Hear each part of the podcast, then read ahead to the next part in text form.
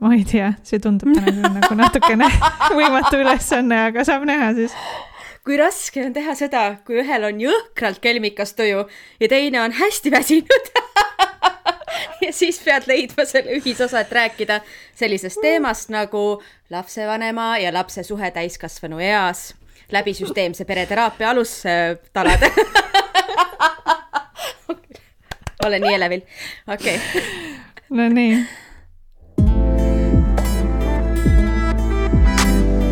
mina olen Merilin. ja mina olen Gea. ja sina kuulad Jess lapsed taskuhäälingut. Jess lapsed. ja täiskasvanud. ja kõik need, kes ei tunne end ei täiskasvanu ega lapsena. kes on või ei ole lapsevanemad. me võtame siin taskuhäälingus ette kõiksugu kasvamise ja kasvatamisega seotud teemasid. näpistame neid pisut. kaasame erinevaid hääli ja mõttekäike ja anname justkui niidi otsa kätte. ja jätame sind siis mõtisklema kui eelmine kord rääkisime seksist ja seksuaalsusest ja, ja see oli kuidagi väga nii-öelda praktilisest igapäevasest äh, olemisest inimeste vahel, siis mul hakkas lihtsalt tiksuma see mingil hetkel, et kogu mu jesslaste äh, tegevus ja kõik see, mida me räägime teiste lapsevanematega ja teiste kuidagi spetsialistidega ka, me räägime alati äh, nagu lapse kasvatamisest, mis puudutab näiteks kolmeaastaseid ja kuni seitsmeteistaastaseid, seal on nagu väga palju nagu lapse kasvatamist ja, ja suhteteemasid nagu vanema ja lapse vahel aga. sul muidu salvestab nagu juba või? mul pani igaks juhuks ja. ma panin siis ka nüüd okei. ma panin, ma panin siis ka, tundus, et sa hakkasid kohe rääkima niimoodi. võita, mul on väga kelmikas tuju vanem äh, ühesõnaga et. et ja siis ma hakkasin lihtsalt mõtlema selle peale, et, et miks kuidagi miks me ei tegele absoluutselt sellega, mis juhtub lapse ja lapsevanemaga siis, kui lapsevanemal lõpevad ametlikud kohustused lapse ees, et, et, et mis juhtub edasi siis, kui laps saab täiskasvanuks ja näiteks kolib kodust välja. et, et siis justkui tekib mulje meie ühis- või noh, suur sõna ühiskonnas, aga tekib mulje, et me ei räägi sellest üldse, et siis justkui on nagu lihtsalt kaks täiskasvanut. aga see suhe on nii teistsugune, kui on lihtsalt täiskasvanutel, kes saavad tuttavaks hiljem elus või mis iganes hetkel, et. et mul on tunne, et kui ma, kui me tahame rääkida nagu kasvatusest ja, ja lapsevanematest ja lastest tervikuna, siis me ei saa eirata seda, et, et laps ja lapsevanem on omavahel nagu selles samas suhtes edasi elu lõpuni. et ta ei lõpe ära lihtsalt siis, kui järsku enam ei saa, ma ei tea, äh, rahalist tuge riigilt või, või siis, kui laps nii-öelda elab teisel aadressil ametlikult ja nii edasi, et. et, et ühesõnaga see fookus sellele, et mis saab siis, kui laps enam ei käi nagu nende lapsekasvatusõpikute alla jutumärkides ja nii edasi. no jaa, ja mina haagin ju ikkagi väga tugevasti selle teemaga ka sellepärast et, ähm, et mina otsisin kuidagi aastaid ähm, peale oma ülikooli õpinguid ikkagi sellist nagu, et mis, et mis terapeudiks siis nagu, et, et mis see suund või äh, valdkond nagu on, kuhu oma aega ja energiat äh, panna noh, olin täitsa veendunud ikkagi, et ikka noh, mingi lastega küll tegelema tõenäoliselt ei hakka ja sama ja, ja mis need peresuhted nagu ei tea, kõik ka sihuke segane värk. noh, eks see on ikkagi ka palju käivitatud ju ise lapsevanemaks saamisest, minu puhul paljuski ka. kuidas, et kuidas siis mõtestada seda, et mis see lapsevanema roll on ja, ja kuidas tõesti ähm, hakata nagu nägema ennast ka teistmoodi suhtes oma vanematega. et minu isa äh, suri kümme aastat äh, tagasi ja ma olen ka nagu väga palju aega just emaga äh, veetnud koos ja emaga kasvanud ja niimoodi. ja, ja siis, äh, kui, kui järsku kuidagi tuli mu ellu äh, pereteraapia, sihuke süsteemne pereteraapia siis ma küll tundsin, et no vot, see on see, et sest, sest et see on minu jaoks kuidagi nagu hetkel ainukene teraapia vorm, mis toob kokku inimesed. Et kui, kui kõik minu, mulle tunduski, et ma olingi sellepärast nii segaduses nagu nende erinevate teraapiate osas, et seal pidi nii palju tööd nagu iseendaga tegema et mm -hmm. muudkui mhm. üksinda käid ja räägid ja arutled ja teed, on ju ja, ja siis nagu on väga raske seda sellesse suhtesse rakendada, sellepärast et see, kus meil raske on, on ikkagi ju erinevates suhetes ja ja, ja, ja siis see niisugune süsteemne nägemus perele kohe klikkis ja kohe tundus nii loogiline, et loomulikult muidugi peab vaatama nagu ju oma selja taha ja muidugi peab ju nagu rääkima sellest, et mis on toimunud perekonnas ja. noh, ma ise mõtlesin ka, et, et mina olen ka oma vanematega, mul on väga ilus lapsepõlv, väga noh, nii-öelda ilusad peresuhted, ma kuidagi ei, kui ma olin noorem, ma ei mõelnud üldse selle peale, et see võiks tegelikult teistel teisiti olla, ma teadsin küll, et on et on mingeid mu tuttavaid, kes ei saa oma vanematega hästi läbi ja kes ei ole nendega lähedased või pole ühtegi sõna vahetanud aastate jooksul ja nii, et ma, ma teadsin, et nad kuskil on, ma teadsin, et see oli ka normaalsus, aga ma millegipärast, ma ei tulnud selle peale, et see või näiteks võiks olla osa protsessist või et see on ka näiteks nagu mingi hetk mingisuguses nagu progressis nii-öelda, ma arvasin millegipärast, et no tundus, et kui noh, olid peresuhted lõpetatud, siis nii ongi või mulle tundus, et see oli kuidagi hästi noh, kompaktne otsus olnud mingil hetkel järelikult ja ma ja alles noh, hiljuti või hiljem õigemini hakkasin aru saama, et see on ikkagi kõikide nende dünaamikate koosmõju, kõik need kõik need ootused, mis on vanematel oma lastele ja lastel oma vanematel ja kõik need rollidünaamikad, mis lähevad nii sassi mingil hetkel ja ja kõik see nii-öelda, kui palju pettumust on, on selles kuidagi vanema ja lapse suhtes, mida ma kuulen igalt poolt või sellist ühesõnaga raskeid tundeid, ma kuulen nii vähe lugusid sellest, et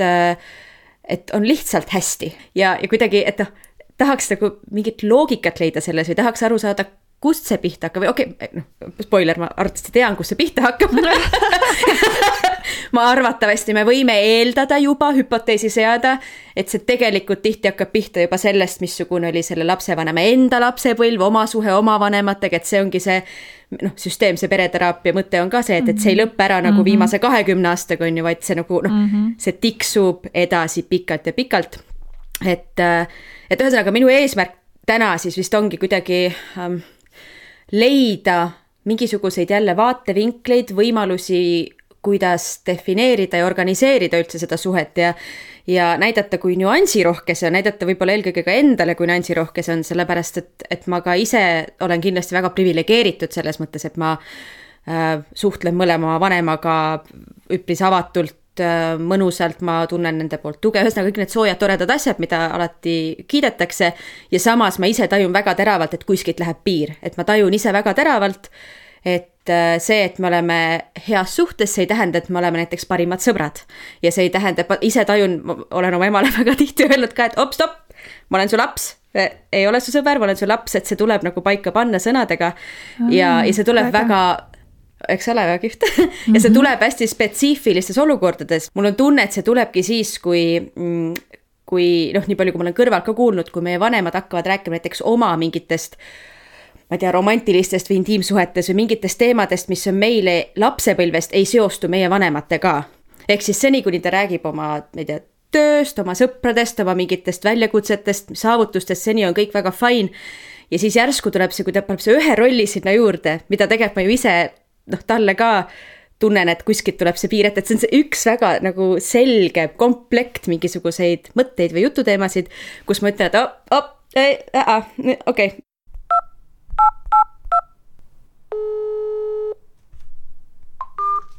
minu jaoks tuli kõige suurem pettumine vanemates just täiskasvanu eas. tegelesin terapeudiga oma depressiooniga ja sellega seoses pidasime maha peresessiooni. Püüdsime selgitada terapeudiga, mis on depressioon ja mida see minu jaoks tähendab. minu nõukogudeaegse kasvatusega vanemad ei mõista eriti vaimse tervisega seostuvat. mõned kuud hiljem rääkisin emale, et nüüd on asi nii hull, et ma hakkan ravimeid võtma. ja temas oli kuulda siiski pettumus ma ei saanud oma vanematelt vajalikku tuge ja abi isegi siis. olin tohutult pettunud. hiljem olen aru saanud, et ma ei pea oma vanematega olema sama maailmavaate ega arusaamaga üldse asjadest. oleme seadnud piirid, millest me räägime ja millest mitte.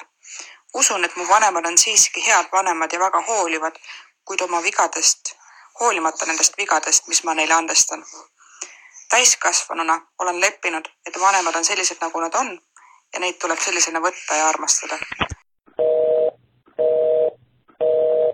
ma tahaksin rääkida küll sellest, et, et, et kas see natuke võib tulla ka mõnikord sellest, see mm, see mingisugune error või dis-, nagu dissonants nende vanema ja lapse suhetes, kui vanemad on lapsi saanud selle mõttega, et ma sünnitan oma lapsi sellepärast, et äh, tema on minu pensionikindlustus, tema on see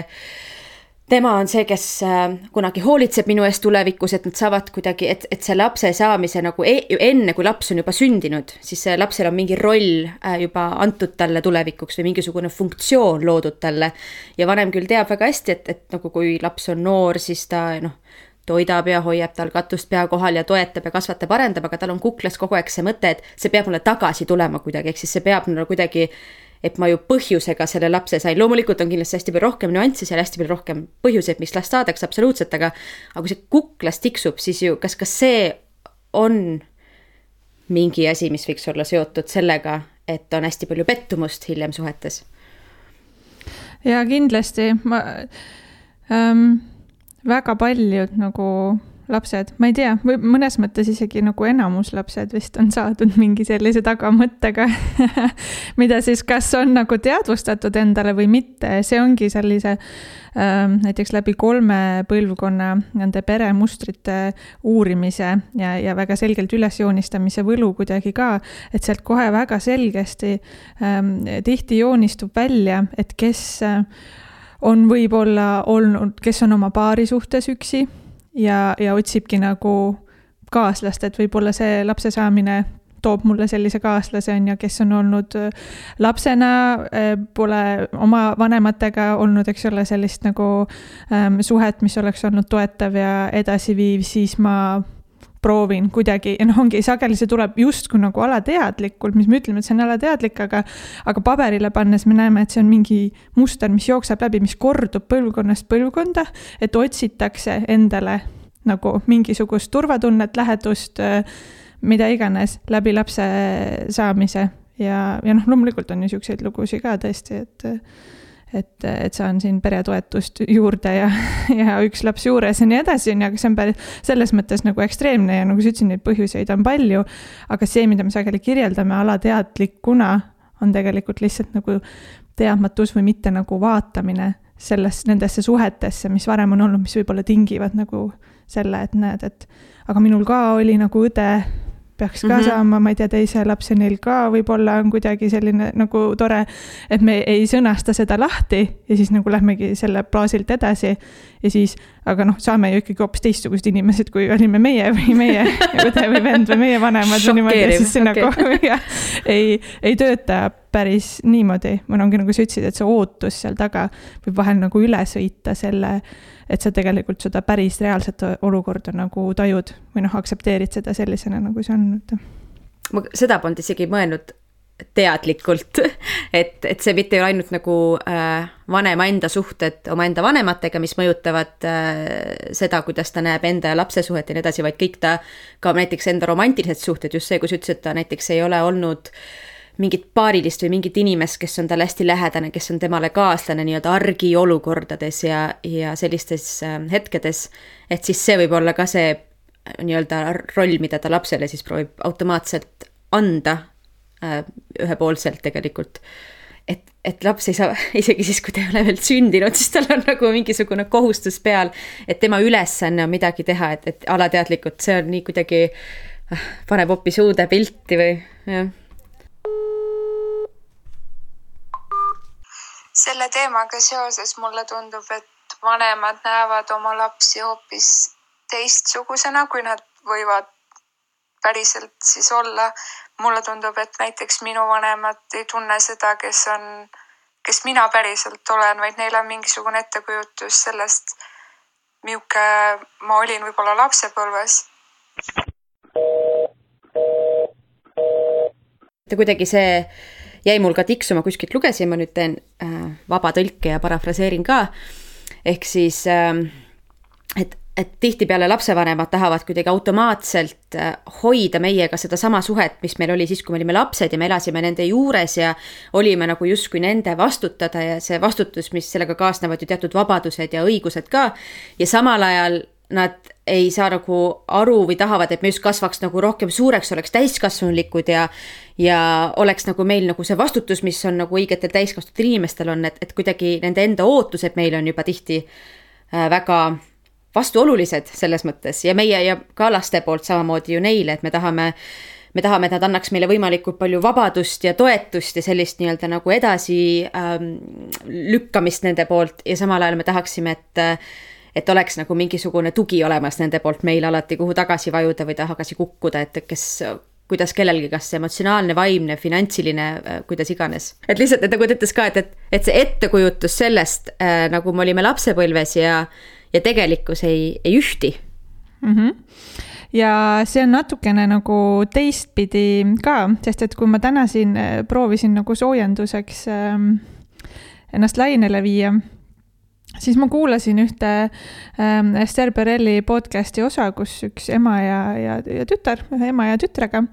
ja seal ähm, Esther ütleb ka niimoodi väga toredasti, ma lasen sulle ühte klippi, vaata, kas sa, kas sa kuuled. In all parent-child relationship there is a developmental arc. The child grows up and gradually becomes stronger the parent continues to grow and becomes older and becomes gradually more fragile and more vulnerable. The child wants the parent to see them as stronger, but the child struggles sometimes nagu ongi ühelt poolt on nad siis nagu lapsed, kellele tundub, et, et vanemad ei näe neid enam nagu sellistena või näevad just mingil kindlal viisil, aga teiselt poolt on ka lastel ju päris raske võib-olla oma vanemaid näha teistsuguses äh, rollis ja, ja, ja inimlikuna sageli just sellest osast ja, ja, ja paljudest seanssidest tuleb ka just välja ju see, et ma pean, ma hakkan järsku nägema oma vanemaid ka nagu justkui nagu inimestena, teistsugustega mm, -hmm. oma, oma mhm. nõrkuste ja oma tugevustega. ja see nagu tekitab tegelikult segadust äh, minus ka. et see tuleb nagu kahelt poolt, mulle tundub väga äh,, väga tugevalt äh, sisse mm. -hmm ja see oli see, kui minu enda ema küsis minult äh, mõnda aeg tagasi, kui ma olin teinud Jest lapsi natuke, küsis, et Merka, kas me keerasime ka midagi väga pekki, kui me olime sinu vanemad, kui sa olid laps? Ja siis see oli kuidagi nii nagu ootamatu küsimus, sellepärast et, et ma ei olnud üldse, mina näiteks ei olnud mitte kunagi mõelnud selle peale, et nemad minu vanematena oleksid muretsenud selle pärast, millised lapsevanemad nad on. ma ei tundnud kuidagi, ma ju praegult näen nii palju lapsevanemaid enda ümber, kes oh,, peaasi, et kõik on hästi ja kas ma teen ikka õigesti, mul on kogu aeg süümekas, appi-appi.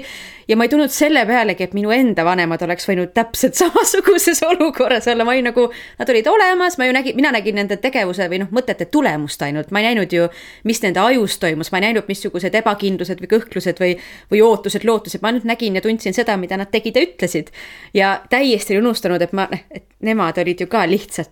lapsevanemad, kui oleks toona olnud Instagram, ta võib-olla oleks kirjutanud mulle seal ja siis ta saaks küsida nõu, et kuule, meil on sihuke tšikk siin kodus, et mida me teeme, kui ta teeb nii ja ma mõtlen nii, et kas see on okei okay,, kui ta vaatab Cartoon Networki terve hommiku. Et see kuidagi, ma olin, noh, ma olin, mina olengi ju mõtlen oma vanemast praegult kui täiskasvanud lapse lapsevanemast ja ma olin täitsa unustanud, et oli ka väikese lapse lapsevanem oma nagu murede ja hirmudega, et see oli nii ootamatu mõte mu jaoks kuidagi. kui mina olen ju tegelikult oma, oma vanematele alatiseks laps ja, ja nendega suheldes on see alati olnud minu roll. ehk siis, kui mina suhtlen oma vanematega, siis olen mina nende laps. aga kuna minu elus on äh, uus roll olla ema ja, ja see on nii-öelda esikohal, siis äh, ma tunnen, et minu roll tegelikult ka minu vanematega on muutunud. ja, ja teistpidi ja, ja see selles mõttes on nagu segadust tekitav, sellepärast et äh, ma ei saa ise enam aru, mis minu roll äh, nagu nendega on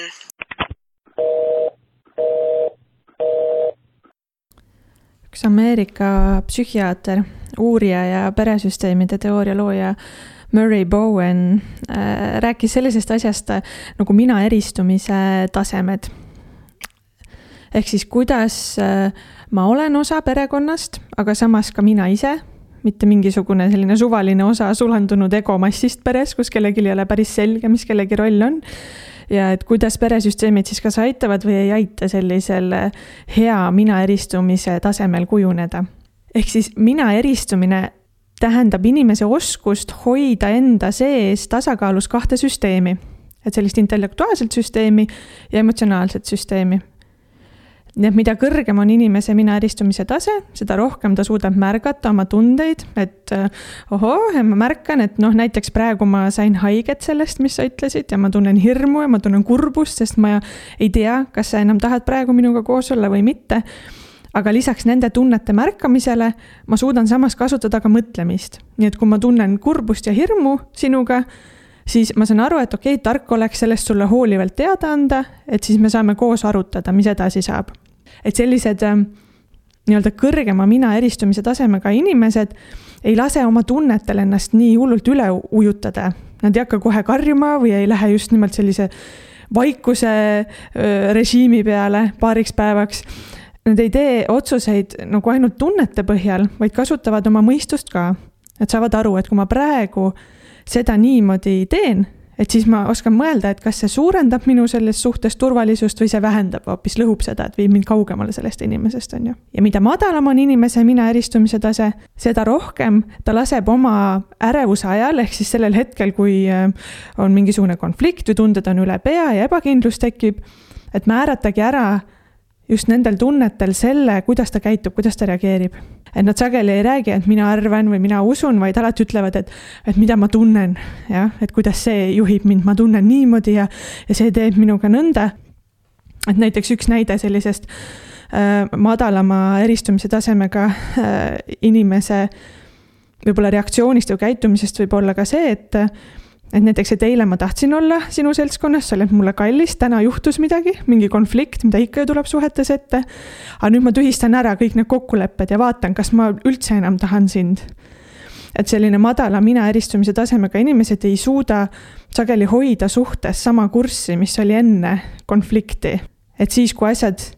ähm, ei lähe nii, nagu tema tahab või kus talle tundub, et talle tehakse ülekohut või oodatakse talt mingit otsust, ma ei tea, mida ta ei ole valmis tegema, siis selle asemel, et tulla sellest kuidagi rääkima ja leida ja taastada kontakt, ma lihtsalt kaon paariks päevaks ära ja, ja pärast kuidagi on niisugune tunne, et okei okay,, need tunded läksid ära ja ma ei oskagi sellele mingit seletust leida, et ju siis lähenes, aga ikkagi jääb mingi kripeldus hinge. et sageli selliste inimeste enesehinnang on kuidagi niisugune madalam, nad on vähem paindlikud, vähem kohanemisvõimelised mõnes mõttes. ja noh, ja sinna vahele jääb siis võib-olla selline mõõdukas mina eristumise tase, millest Bowen rääkis. et, et siis, kui ei ole konflikte, kui ei ole ärevust, et siis see meenutab sellist äh, head mina eristumise taset et need inimesed väljendavad tundeid niimoodi avatult, kui madalamal tasemel olevad inimesed. aga nende enesehinnang sõltub tugevasti teiste arvamusest ja, ja puudub, äh, kuna on selline nagu selline isiklik veendumus, kuidas maailm toimib, tegelikult äh, puudub, siis sageli kasutatakse lauseid nagu, et noh, et rusikareegel on ja nii ja teaduslikult on tõestatud nii ja et selle asemel, et öelda, et noh, et mina arvan või mina usun, et nad kuidagi otsivad elukestvalt sellist ideaalset suhet nii oma peresuhetes kui paarisuhetes kui sõbrasuhetes, kus saaks nagu otse ja avalikult väljendada tundeid ja oleks ohtralt sellist lähedust ka, võib-olla emotsionaalset lähedust. aga samas, kui see lähedus on saavutatud, siis nad reageerivad ähm, sellele just kaugenemisega ja siis ring hakkab nagu otsast peale. jah, et ega muidugi ei olegi mingit sellist nagu ähm, ideaalsel nagu mina eristumise tasemel olevat inimest. ja see on niisugune pikk nagu elukestev protsess, aga see võib ka jälle olla üks kuidagi aspekt, mida vaadata kui enda juures, et kuidas minu peres on, et et huvitav, millised need minu vanemate mina eristumise tasemed on, minu õdede-vendade ja kuidas see mind on mõjutanud või et milles mina ennast kuidagi nagu ära tunnen või et kuhu suunas ma mõnes mõttes saaksin liikuda, et mul oleks selgem jah, et mis rolli ma oma perekonnas siis tegelikult kuidagi kannan või kuidas seda suhet hoida, kui ma igapäevaselt nendega koos ei ela nii lihtne on minna oma rolli ja rääkida kogu aeg nagu, mida meie lastena ootame vanematelt ja mis meid on, mis meil on raske ja meil on keeruline ja, ja kuidas me tahame, et meid isiksustena võetakse, mitte ainult lastena ja nii edasi. aga tõesti vastupidi ka, et, et meie vanemad ei ole ainult vanemad, vaid nad on ka päris isiksused oma, oma progressiga ja oma protsessidega ja oma hirmude, ebakindluste, traumade, rõõmude ja kõige muuga, et, et seda on hästi vajalik meeles hoida, sest see kipub paratamatult meelest ära minema küll minu ema rääkis kunagi seda, et kõik tema lapsed on talle midagi õpetanud. ja et mina õpetasin talle seda, et väga hea on olla sõber oma lapsega. ma ei tea väga kedagi tutvusringkonnas, kes oma emaga nii hästi läbi saaks kui mina. meil on tõsiselt, tõsiselt hea on suhelda oma emaga aga see ongi asja iva minu meelest, et nagu ongi väga palju erinevaid vanemasuhteid saab olla mis ei pea, mida ei pea defineerima parima sõprusega, et minu jaoks selle nagu vanemluse ja sõpruse nagu juba põhimõtteline segiajamine või nagu miksimine ei tohiks üldse toimuda ja see peaks olema nagu kuidagi fundamentaalne asi. see, see tundub mulle lihtsalt jabur. see on see teine äärmus, et, et kui meil on, on need äh, pered ja lapsed ja vanemad, kes kuidagi on äh, ei ole võib-olla lahendanud mingisuguseid teemasid või isegi ei ole teadvustanud, et neil on mingisugused õhku jäänud äh, konfliktid, äh, siis on see teine osa nii-öelda lapsevanemaid ja lapsi, kes saavad väga hästi omavahel läbi, nad kirjeldavad seda kui suurt sõprust, on ju, nad kirjeldavad seda kui äh, see ongi väga ilus suhe või hea suhe, hästi sellised nii-öelda noh, ülivõrded on seal tihti sees ja jah, noh, ütleme niimoodi, et äh, hästi hästi, hästi kriitilise äh, pereterapeudi tundlad läheksid kindlasti püsti sellel hetkel, kui keegi ütleb, on emaga nii suurepärane suhe, me helistame kogu aeg, me räägime iga päev nagu kõikidest asjadest ja see on lihtsalt nagu super, kui see niimoodi on. ja see absoluutselt võibki niimoodi olla, et see on lihtsalt siukse äh, ma arvan, väga nagu professionaalide oma mingisugune nagu professionaalne kretinism just, mis kuidagi hakkab neile kohe viskama või midagi, et, et aga, aga tõsi see on, et see, nagu sa enne ka ütlesid ju oma ema kohta nagu, et on vaja mingisuguseid nagu tunnetada mingisuguseid piire. ja, ja piiride teema peres ongi nagu üks selliseid hästi suuri piiride ja allsüsteemide teema ongi hästi suur teema aga miks see vajalik on või noh, miks, miks ma pean hoidma oma emaga piiri või mi, miks see alateadlikult üldse tuleb mulle, kas see on, kas see äkki just ei näita, et meil on mingid teemad justkui lahti rääkimata või kas see kõik teemad ja kõik mu eluetapid olen nendega läbi arutanud ja läbi teinud, et, et millest see tuleb, et mul on mingi alateadlik nagu äh, mingis kohas jah, ma ikkagi arvan, et ongi nagu sa ütlesid, meil on ju erinevad rollid nagu elus ja see on nagu noh, väga raske või ma ei tea, ma ei kujuta ettegi nagu elu, kus sa nagu kogu aeg oleksid nagu kõigiga siis sa peaks nagu kõigiga olema ühesuguses suhtes mõnes mõttes ju ka. jah, et sul on ju kolleegid, sul on sõbrad, sul on vanemad, sul on, sa kogu aeg nagu vahetad ja pere sees ka, et sa oled kas õde või vend, sa oled äh, äh, laps või sa oled lapsevanem või sa oled partner oma äh, suhtes oma partnerile, oma kaaslasele, on ju. et see aitab ikkagi, mulle tundub ka mingit sihukest nagu infot organiseerida kuidagi enda jaoks ja, ja, ja oma nagu siukseid emotsioone ja mõtteid äh, reguleerida. et see Äh, noh, et ongi, et, et pereteraapia nagu räägib sellest kui allsüsteemidest perekonnas, et meil ongi vanemate allsüsteem, on ju, äh, laste allsüsteem äh, ja, ja, ja see kuidagi nagu, et terved ja tervislikud suhted kujunevad siis, kui äh, kõik inimesed nagu saavad aru, mis nende mm, osa on nii-öelda täita selles mudelis, on ju, et noh, et maailmas ju tervikuna ka, et maailm tervikuna toimib, sellepärast et meil on mingisugused mingid rollid, mida me täidame, mingid ülesanded, mida me täidame, kui me kõik teeksime kõike, jagaksime kõigi kõike, siis see kukuks kokku, samas on samasugune asi on ju, ju perekonnas ka. et see, kui on äh, ollakse liiga vähe seotud oma pereliikmetega või just nagu üle seotud või liiga palju seotud, liiga palju jagatakse oma pereliikmetega, siis see tegelikult ait-, nagu ei aita kontrollida ei, ei suhtlemist ega käitumist, et, et see tekitab pigem nagu niisugust äh, kaost, et äh, kuidas tekivad üldse üleseotud suhted et üleseotud on siis, üleseotud on siis see suhe, mis on justkui ei ole nagu, piire. just, jah, et kui ei ole selle allsüsteemi vahel piire ja kui justkui nagu jagatakse, ma ei tea, liiga palju või et, et, et see on tegelikult alati ju nagu ühe poole kuidagi suurem vajadus. et on üks, üks osapool, kes kuidagi tunneb ennast äh, ärevamana, võib-olla e-, ebakindlamana mingisuguses osas ja, ja otsib äh, nagu teise poole sellist tähelepanu nagu kogu aeg. et, et, et lahendada ära, et ise rahuneda ja et endas nagu kuidagi stabiilsust leida. Ja, ja sageli ähm, selleks võivad kujuneda äh, peresüsteemis siis lapsed, eks ole, ka sellepärast, et ähm, et see on hästi tihedalt nagu seotud ka äh, sellise nagu peresiseste äh, kolmnurkade teemadega selline ka kahe, kahe inimese vaheline suhe on mõnes mõttes kõige äh, ebapüsivam ja ebakindlam nagu äh,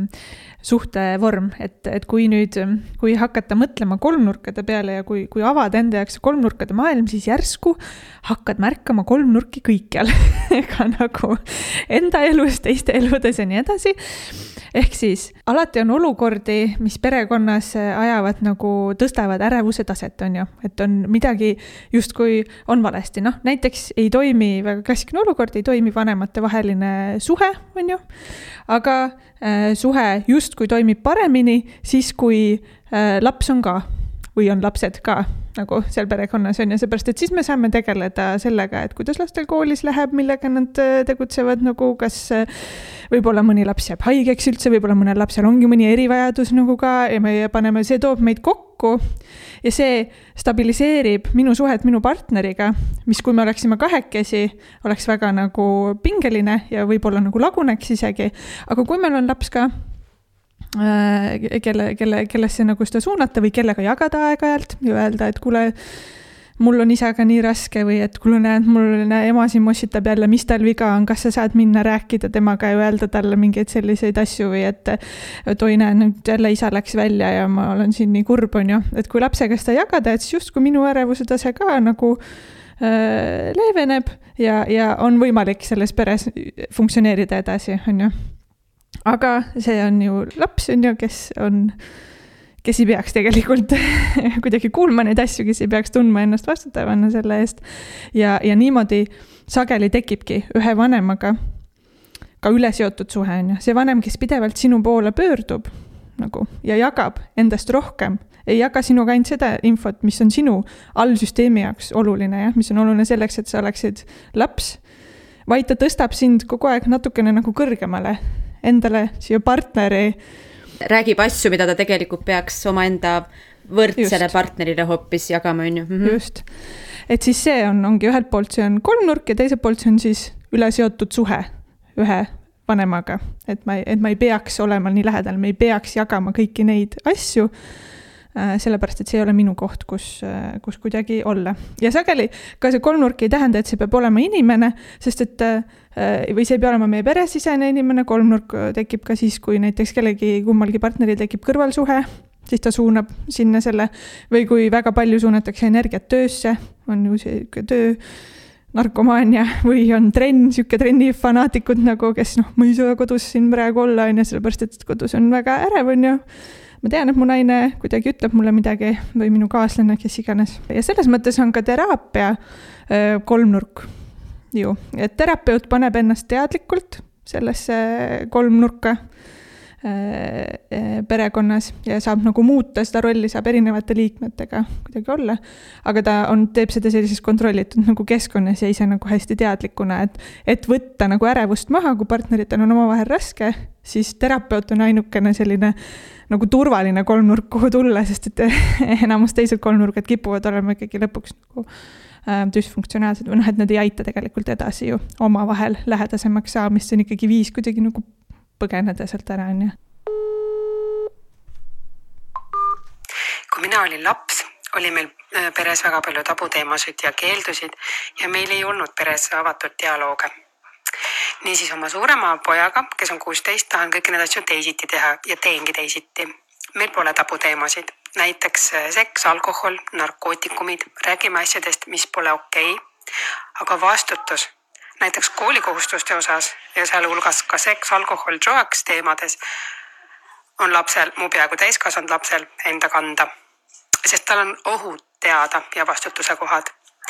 ma tean, et keelamine ja käskimine tekitab ainult trotsi. minul noorem, noorena tekitas e, ja tekitas vastupanu liikumise soovi. niisiis mu peaaegu täiskasvanud lapsega soovingi hoida sellist suhet, et ta saab mulle rääkida oma soovidest ja uudishimudest ja juba saadud kogemustest mm, me saame neid äh, kogemusi ja soove ja uudishimusid siis analüüsida ja ohtusid ja nende asjade boonuseid koos vaadata. Kui me siin enne rääkisime Boweni äh, mina eristumise tasemetest, siis äh, üks teine Ameerika äh, psühhoterapeut ja ka üks pereteraapia teerajajaid, Carl Whitaker, ütleb, et tegelikult me ei saa eristuda seniks, kuniks me pole kuulunud, on ju. et ainult siis, kui me oleme õppinud selliseid endale kalleid ja olulisi suhteid äh, kuidagi õppinud neid tundma, õppinud neid omaks võtma, internaliseerida, ainult siis me saame minna distantsile, minna eemale, eristuda, ilma et me tunneksime, et me need suhted kuidagi enda jaoks kaotame. huvitav koht, kuhu siin vanemad võivad sattuda, ongi selline räägi mulle või ära räägi mulle konflikt vanemates. Ehm, et millega me siis teraapias saame kuidagi töötada viisil, et mõeldagi, et, ehm, et vanematega eraldi olles, et kuidas vanemad tulevad toime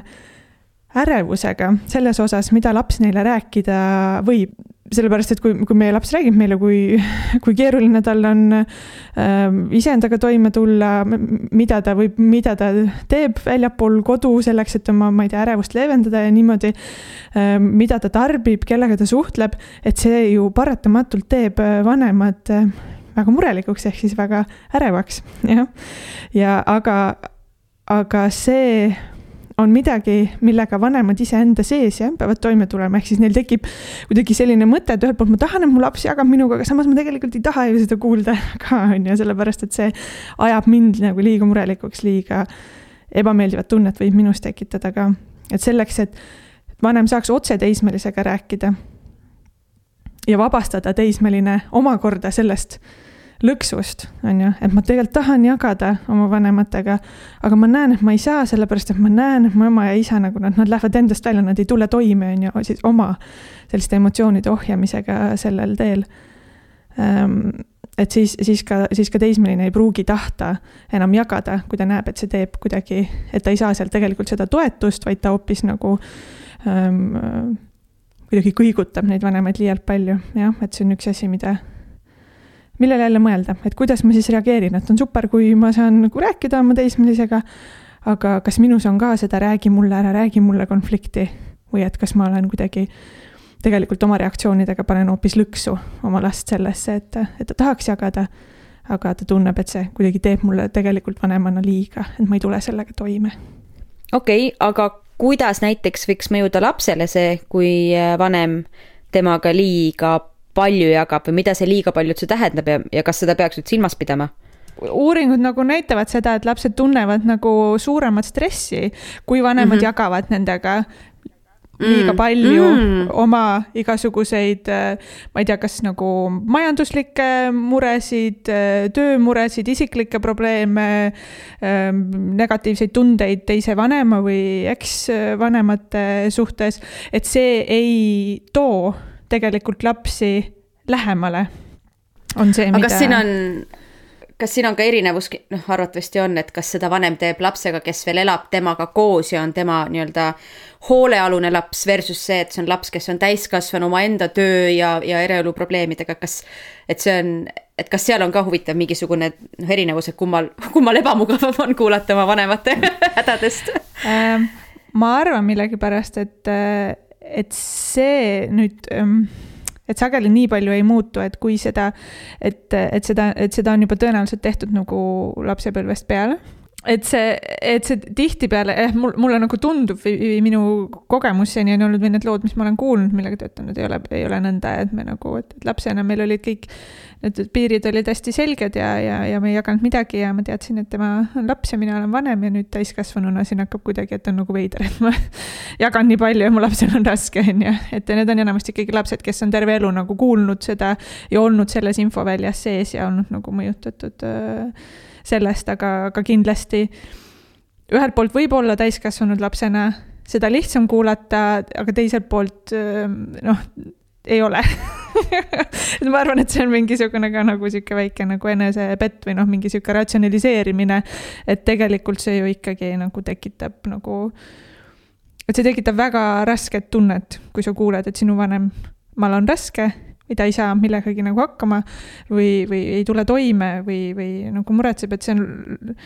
et selleks, sellisteks jagamisteks on ikkagi nagu see teine pool nii äh, tähtis või sõber või kes iganes. et, et see, et sellele ikkagi nagu mõeldakse nii vähe ka nagu täiskasvanu eas sest et sulle tundubki, et sinu laps, noh, ta ju, ta pole enam, ta pole enam laps nagu, ta saab ju aru, ta saab ju hakkama selle infoga, mis ma annan talle ja niimoodi. aga ta mõistab mõttes, mind no,, ja, ja. me oleme ikkagi nagu ju, vaata kui sa ütlesid läbivalt, lapsed, me oleme ikkagi nagu selles lapse rollis ja me ei pea sellega tulema toime, sest et meie ei ole nagu need inimesed, kes saavad või peavad nagu aitama, seepärast see tekitab ju otsekohe selle tunde, et ma pean ruttama appi üleseotud lapsel sageli ja need lapsed on need üleseotud lapsed, kes siis tunnevad, et ma justkui olen proovinud minna nagu eemale sellest rollist ja proovinud saada nagu tagasi oma sellesse allsüsteemi ja olla nagu laps, aga jälle mind tõmmatakse sinna. ta tõmbab mind oma jutuga sinna, et ma olen talle justkui nagu partner mm. -hmm. Ja see vist on siis see koht, kus aitab ainult väga selge läbi nagu arutamine, see on see raske vestlus võib-olla, mis siis seda aitaks, et nii, kuulge, ma väga hindan teid, ma väga austan teid äh,, ent ja siis tuleb see koht, et, et, et see tekitab minus, mul on eba, noh, ma ei tea, ebamugav või siin on nii palju võimalusi, mul on ka tunne peas, kuidas seda, kuidas see vestlus võiks nagu hästi halvasti minna. Et, et kuidas, et seal on nii palju ohte, kuna seal on nii palju tundeid ja nii palju sellist noh, jälle need ootused versus tegelikkus ja pettumus ongi ju see, kui ootused ja tegelikkuses ei ole äh, identsed, ehk siis äh, et kui sa oled nagu juba arvanud, et appi kui tore, et mu, mu laps on minu jaoks kuidagi, ta on toeks mulle, ma saangi talle rääkida kõiki neid asju. ja järsku ta ütleb mulle, et mul tegelikult on ebamugav neid asju kuulata ja kas sa palun äkki leiaksid kellegi teise, kelle neid asju rääkida. et see võib-olla on jälle selline tunne, et on justkui mind alt vedanud või, või et jah nüüd on jah, siin tuleb nii palju mõtteid korraga, ma täiesti saan aru nagu, et seda fookust võtta on nii raske. Suhetest äh, oma vanematega, et olles ise juba täiskasvanud äh, meesterahvas, võin ma öelda seda, et kuigi minu suhted vanematega on, on alati olnud äh, väga head, siis täna ma tunnen, et, et näiteks isaga läbisaamine on, on läinud isegi oluliselt mugavamaks ja paremaks, kui ta, kui ta kunagi varem on olnud. Ja seda sel lihtsal põhjusel, et sellest hetkest alates, kui ma sain aru, et minu isa väljendab oma armastust läbi igasuguste tegevuste ja nii-öelda teenimise kunsti, et tema ei ole sõnades nagu võib-olla tüüpiline Eesti mees, tema ei ole sõnades väga, väga osav või selline leidlik või, või juturohke, et tema, tema väljendabki seda kiindumust ja lähedust läbi, läbi tegutsemise ja läbi igasuguste selliste asjadega. ja sellest hetkest aru, sellest hetkest, kui mina sain aru, et et tema, tema viis seda lähedust välja näidata ja, ja ka seda lähedust vastu võtta ongi läbi sellise tegutsemise, siis polnud minu jaoks enam mingisugune probleem temaga äh, rääkida ja suhelda tema armastuse keelest, et, äh,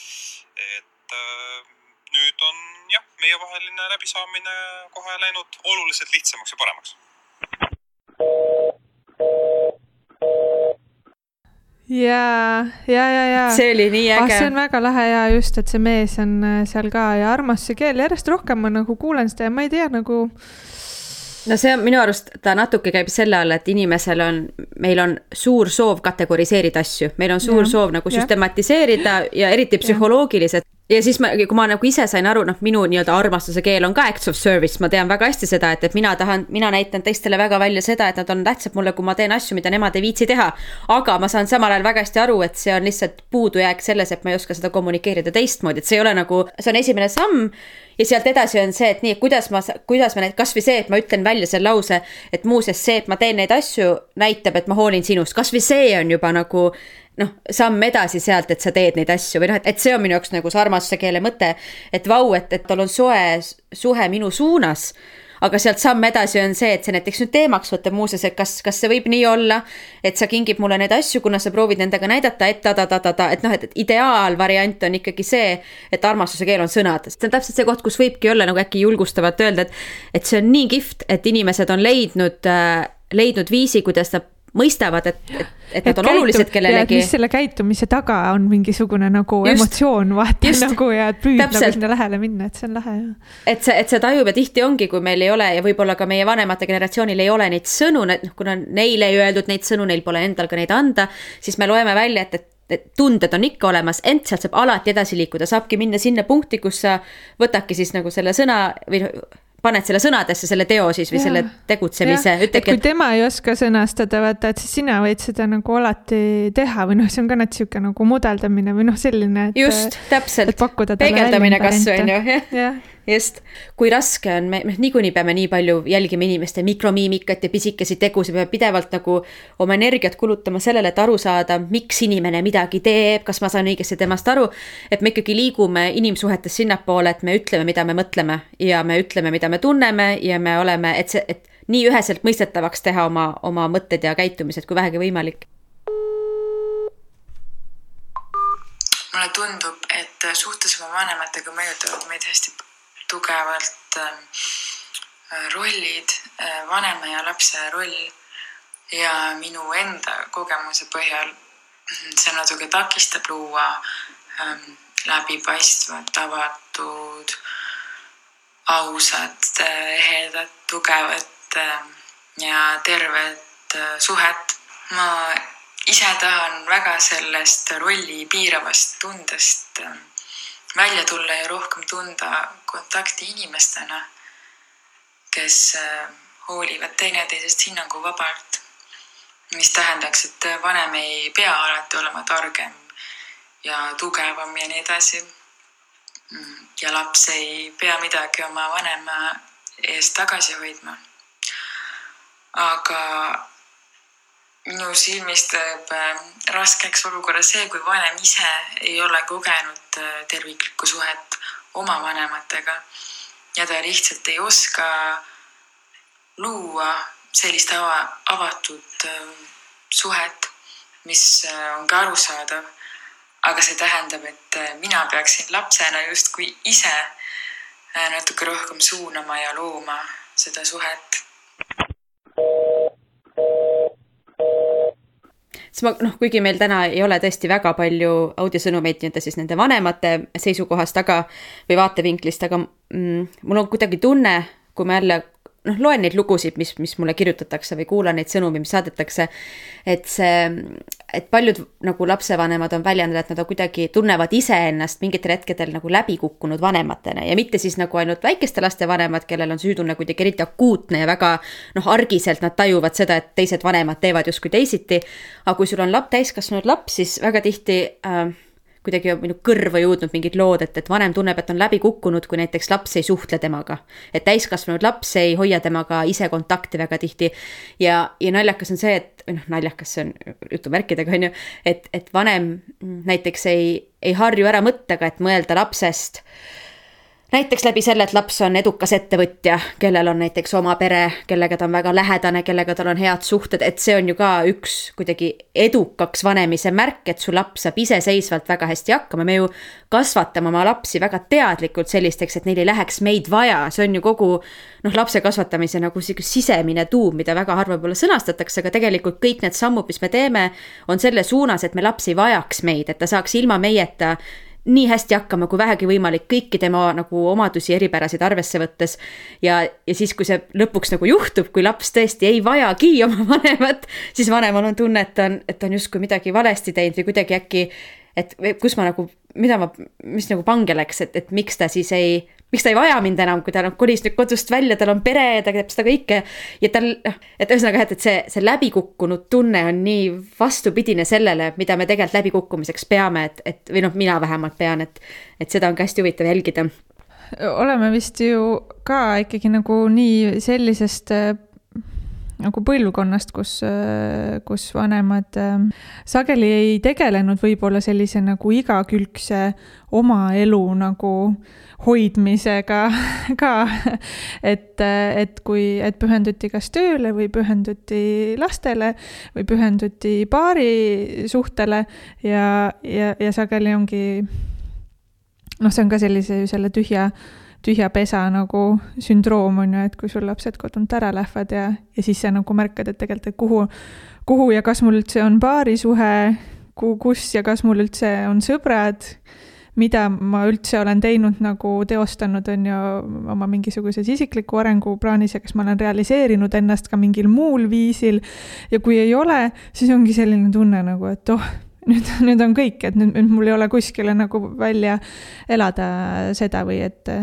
või et noh, et väga tore ja alati kõik vanemad ongi südames ju väga rõõmsad oma, oma laste üle, kellel läheb hästi, aga samuti on seal kõrval ka niisugune suur nagu tühjuse ja, ja üksinduse ja võib-olla saamatuse tunne, sellepärast et ei ole nii teadlikult nagu oma elu ehitatud ühel või teisel põhjusel sinna kõrvale, mis mis jällegi noh, ongi see, mida ju meie, meie praegu põlvkonna lapsevanemad nii hullult püüavad teha ja mis ajab teistpidi nagu stressi, sellepärast et Just. mul peab olema väga sisukad sõprussuhted, ma ikkagi tahaksin teha mingisuguseid tööasju nagu laste kõrvalt ka, aga ma tahan olla ka nagu kakskümmend neli seitse oma lastele parim vanem nagu. ja samas superpartner, ma tegelen oma paarisuhtega ja ma tegelen ka, ma, ma hakin lahti omaenda lapsepõlve, suhtlen omaenda vanematega, annan, ühesõnaga jah, et, et nii nagu mitmeks kistud on see mida, mida me iseendalt ootame, mida meilt ka oodatakse. et kuidas siis see tasakaal nagu leida ja, ja, ja kuidas püsida ise kogu aeg äh, nii hea sellise nii füüsilise kui vaimse tervise juures, et, et ka hiljem nagu pidada oma lapsega selliseid raskeid vestlusi, et ma oleksin valmis vastu võtma seda, et see, kui kui, kui laps räägib mulle, kuidas mingid asjad äh, tema lapsepõlves nagu ei toiminud või ei, ei olnud see, mida ta ootas, ei tähenda seda, et seal ei olnud ka väga palju sellist head, mida ta hindaks äh,. nagu, et seda kõike vastu võtta on, äh, on väga-väga keeruline, kui ei ole seda võrku, sageli need on need perekonnad, kus ei ole seda toetavat paarisuhet või ei ole mingisugust äh, sõpruskonda, kes kuidagi aitaks puhverdada nagu seda kõike, et kui ja, ja, ja sageli ei ole ka terapeuti, kes oleks kolmandaks, on ju, seal ja aitaks nagu maha võtta kuidagi seda või aitaks neid emotsioone nagu ähm, ohjata ja, ja, ja seda sisu ja seda tuumani nagu jõuda. et siis see justkui plahvatabki kõik nii suure emotsiooni pealt, nii, nii lastes kui vanemates noh, et me võtame seda juba nagu võrdlemisi iseenesestmõistetavalt, et sellises nagu tehnoloogias ja kõiges nagu hästi suured nagu muutused toimuvad ja hästi kiired arengud toimuvad ja palju rohkem saadakse teada, kuidas mingid materjalid käituvad, kuidas mis iganes, on ju. aga see, et tegelikult inimese kohta on samamoodi nagu ma ei tea, viimase nagu saja aasta jooksul täpselt. nii palju rohkem teada saadud lihtsalt nagu, et kuidas inimesed arenevad, kuidas lapsed arenevad nagu, mis need emotsioonid üldse on, kuidas nagu suhtlemine, et mismoodi suhelda, et mis, mis on nagu hea suhtlemise viis, seda on nii palju raskem äh, võtta omaks, sellepärast et see on nii palju rohkem meie sise, siseeluga kuidagi seotud, et, et okei okay,, ma saan aru, et need telefonid ja arvutid ja tududu on ju kõik see nagu, see on minust väljapool nagu kuidagi, aga see, et ma päriselt nagu et mul on laps, kes äh, iseenda kohta on nii palju kuidagi teadlikum või uurib nagu rohkem või ütleb mingeid asju, mis nagu ma ei tea, noh, mulle on tundunud, et nii ju lihtsalt on, vaata, ma ei ole sellesse süvenenud nagu ja, ja nüüd see nagu kõigutab mind nii palju, et seda, seda infot nagu vastu võtta on hästi raske, et see sihuke vastupanu sageli ka teraapiaprotsessides on nagu hästi ähm,, hästi tugev ikkagi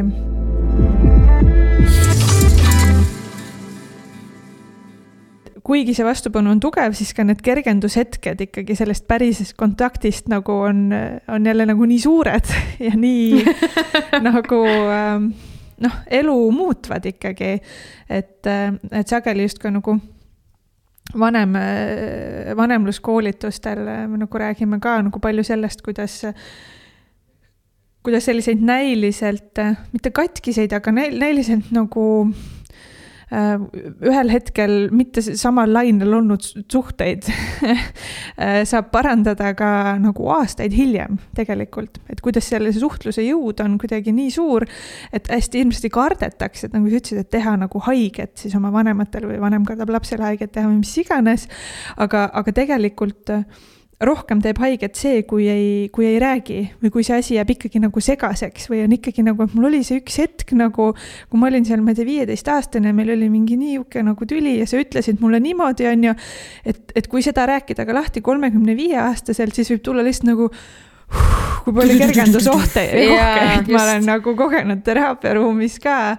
et äh, et ah, et sihuke asi nagu oligi, oligi vaja lihtsalt nagu rääkida lahti, üks sai niimoodi aru, teine sai niimoodi aru. ma ei mõelnud seda nõnda, sa oled mulle ikka kallis öelda välja nagu need asjad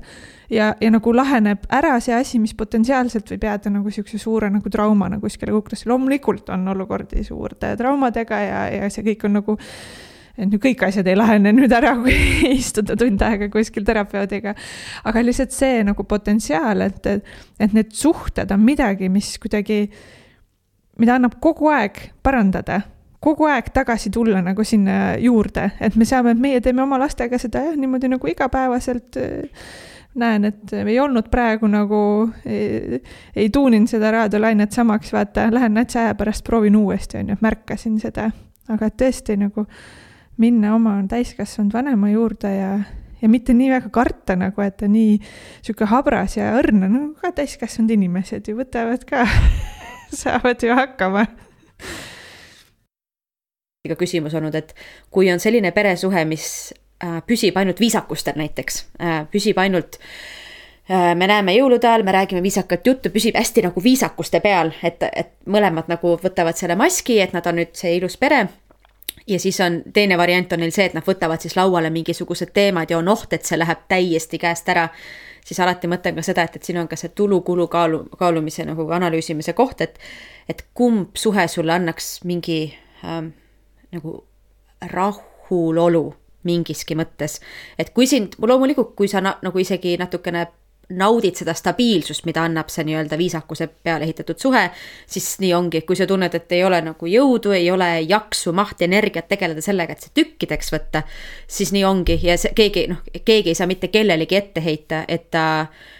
laseb vinduda mingitel muredel või hetkedel, sest mõnikord need ongi nagu lihtsalt jäämäe tipud ja sa tegelikult tead, et sealt tuleb nii palju rohkem välja. ja samas tahaks kõiki samal ajal julgustada, et, et mis on kõige hullem, mis saab juhtuda, on ju, või kuidagi tahaks nagu öelda, et on inimesed, kes ootavad, et nad saaks sind toetada sellega, et nad saaksid kuidagi aidata sind ja, ja, ja kogu see leppimine näiteks oma lapsepõlve mingite traumadega või, või raskete hetkedega see ei peagi ju käima koostöös oma vanematega. mul on ka tunne, et see on mingi asi, mida mida võib-olla peab ka sõnastama välja, et, et kui räägitakse näiteks pereteraapiast, jälle ütle, kui ma olen valesti aru saanud, sa ju võid sinna minna ka üksinda. üksinda saab teha asju, saab lahendada suhteid ka näiteks surnud pereliikmetega juba ka, kui on olnud väga traumaatilised äh, kogemused, eks ole, ja ei ole absoluutselt äh, mõistlik ja mingid väärkohtlemise ja kasutamisjuhtumid nagu, kus ei saa tuua nagu kokku. aga, aga üldiselt ikkagi äh, kõige efektiivsem on see, kui räägitakse selle inimesega, kellega on vaja rääkida või siis sa teed vähemalt mingisuguse plaanigi nagu terapeudiga ja, ja täidad seda plaani, aga sageli on lihtsam tuua need inimesed nagu kokku sellesse ruumi. aga et mis siis juhtub, kui näiteks, kui üks osapool on otsustanud või kuidagi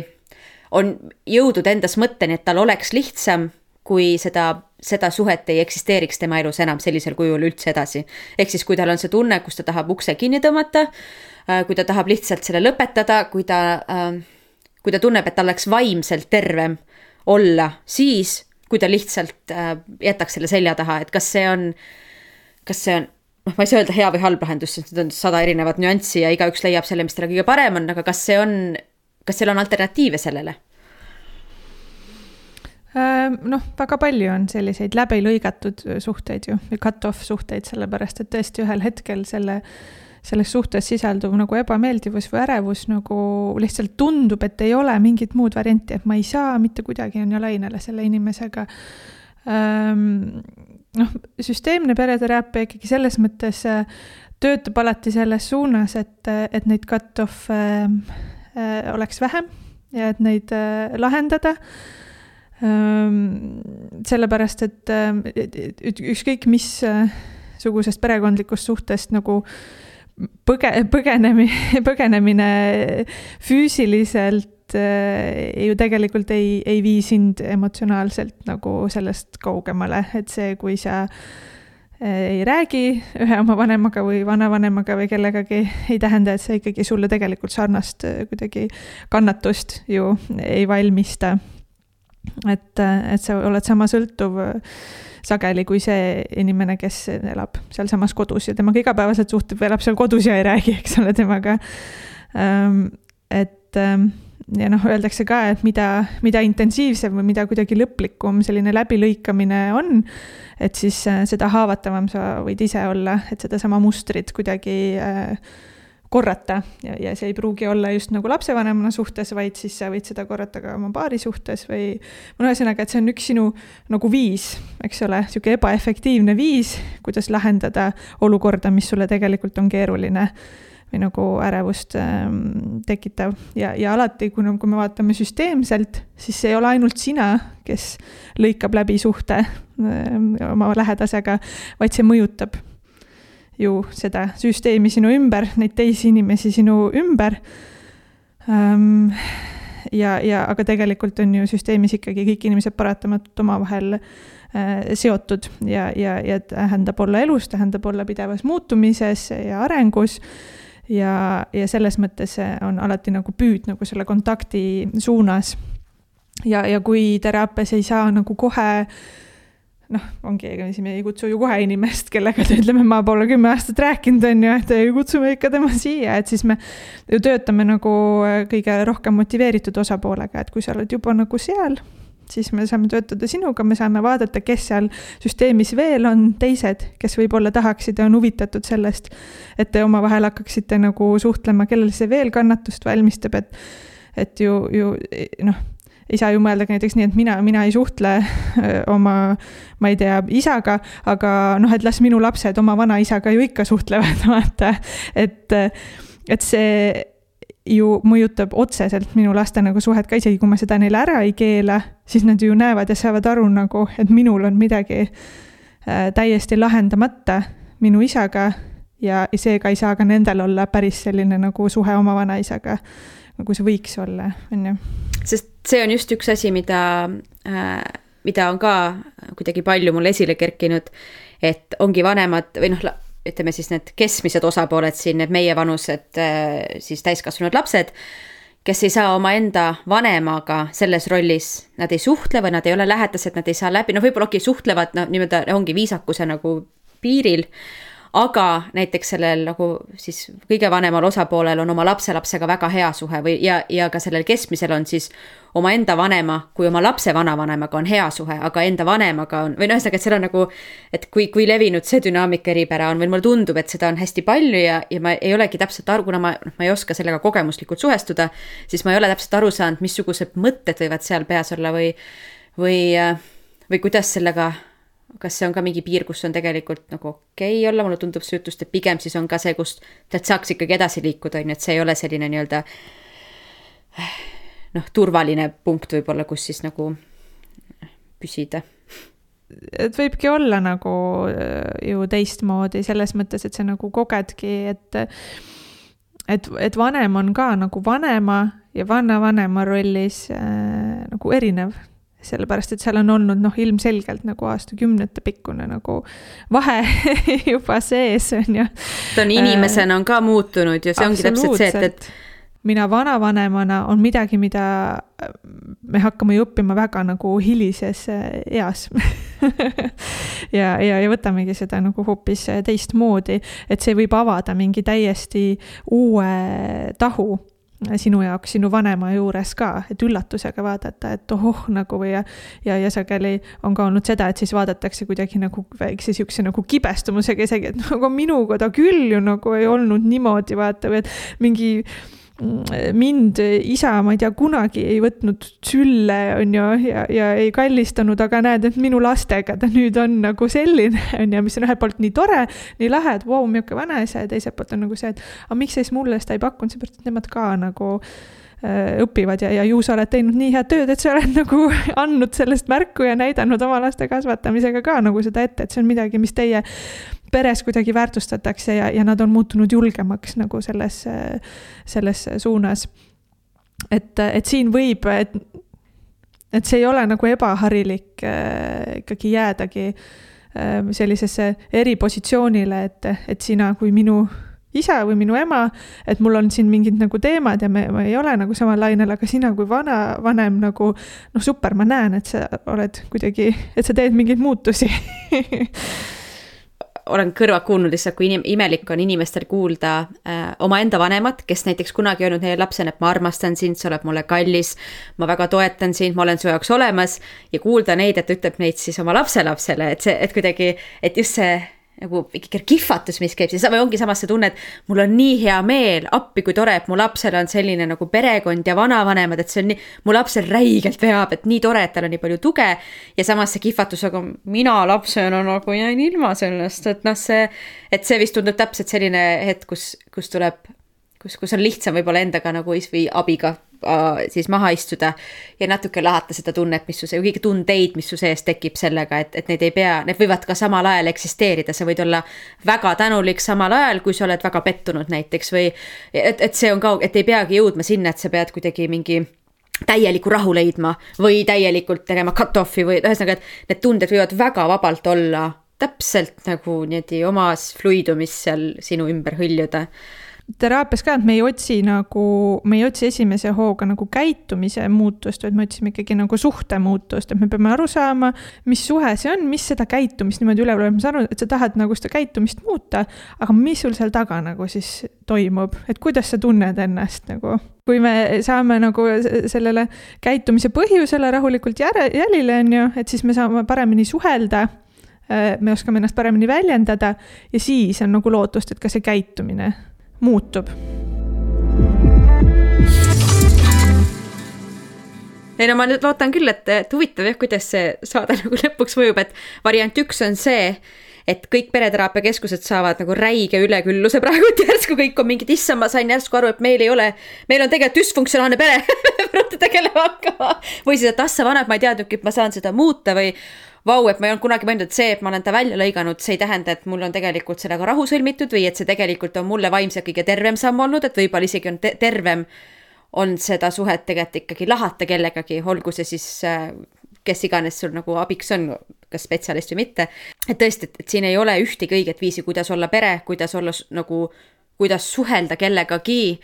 ja, ja kui me hoiamegi nagu see, noh, et, et me hoiamegi nagu meeles seda, et, et, et see vaimne tervis seal taga, see, kuidas sul päriselt on hea olla, mitte see hea, mida me endale pidevalt väidame ja teistele, kus sa tegelikult mõtled, kui mingi inimese nimi või nägu tuleb sulle silme ette ja sa ei kattu näiteks higiga ärevusest või sa, sul ei tule mingisugused veidrad üksikud äh, visuaalid silme ette, mida sa justkui alla surud, vaid sa mõtled inimese peale ja sa mõtled, no näh mis iganes sõna või mõte on, et see lihtsalt, ta on nagu neutraalne isiksus sinu elus või noh, neutraalne võib-olla palju isegi loodetud, aga lihtsalt ta on isiksus, kellega ma olen seotud, ta on mu elus. ja, ja siis sa kuidagi võtad ära selle suure paksu emotsioonikooriku sealt ümbert, mis tihti neid inimesi kuidagi varjutab või varjab ja sa kolgid selle lahti ja ta mureneb ära, sa näed, ah ta on ka lihtsalt inimene omaenda nagu lapsepõlve, omaenda suhetega, omaenda oskustega, traumadega äh,, soovidega, et, et, et seda seal taga näha, et siis see on ju noh, see on võit missugune iseenesest. absoluutselt, et see ongi see, mida suhtlemine ju lahendab, on see, et ma hakkan aru saama nagu teisest inimesest kuidagi, tema mingist motiividest ja, ja see, mida süsteemne pereteraapia annab, on see, et ma saan väga konkreetselt panna nagu paberile need kolm põlvkonda, need kolme põlvkonna suhted meie perede ja nagu näha, et issand, jah, need ja need asjad nagu korduvad ja, ja lubada, see annab, avab nagu ka mingisuguse ukse, lubada küsida inimestelt asju, ähm, mille peale me polegi nagu tulnud, et küsida, vaata, või et ma ei tea, kui paljud inimesed on küsinud oma emade käest, kuidas sul oli suhe oma emaga või, või kas sa tead, kuidas vanaema suhe oli nagu oma isaga, vaata. ja sealt tulevad sellised lood nagu rulluvad, mis annavad sulle kohe nagu nii suure nagu teadmise sellest, ähm, et kes, kes sa oled ja, ja kust sa tuled. et see on väga-väga, väga-väga põnev maailm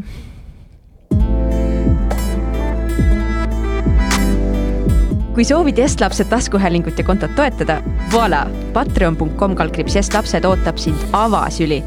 patroonidele on saadaval ka iga taskuhäälingu osa täispikkuses loetavana ning vaimse tervise ja teadval oleva vanemluse ampsud. no ja lisaks muidugi ka südamerahu vanemahariduse edendamisest. aitäh sulle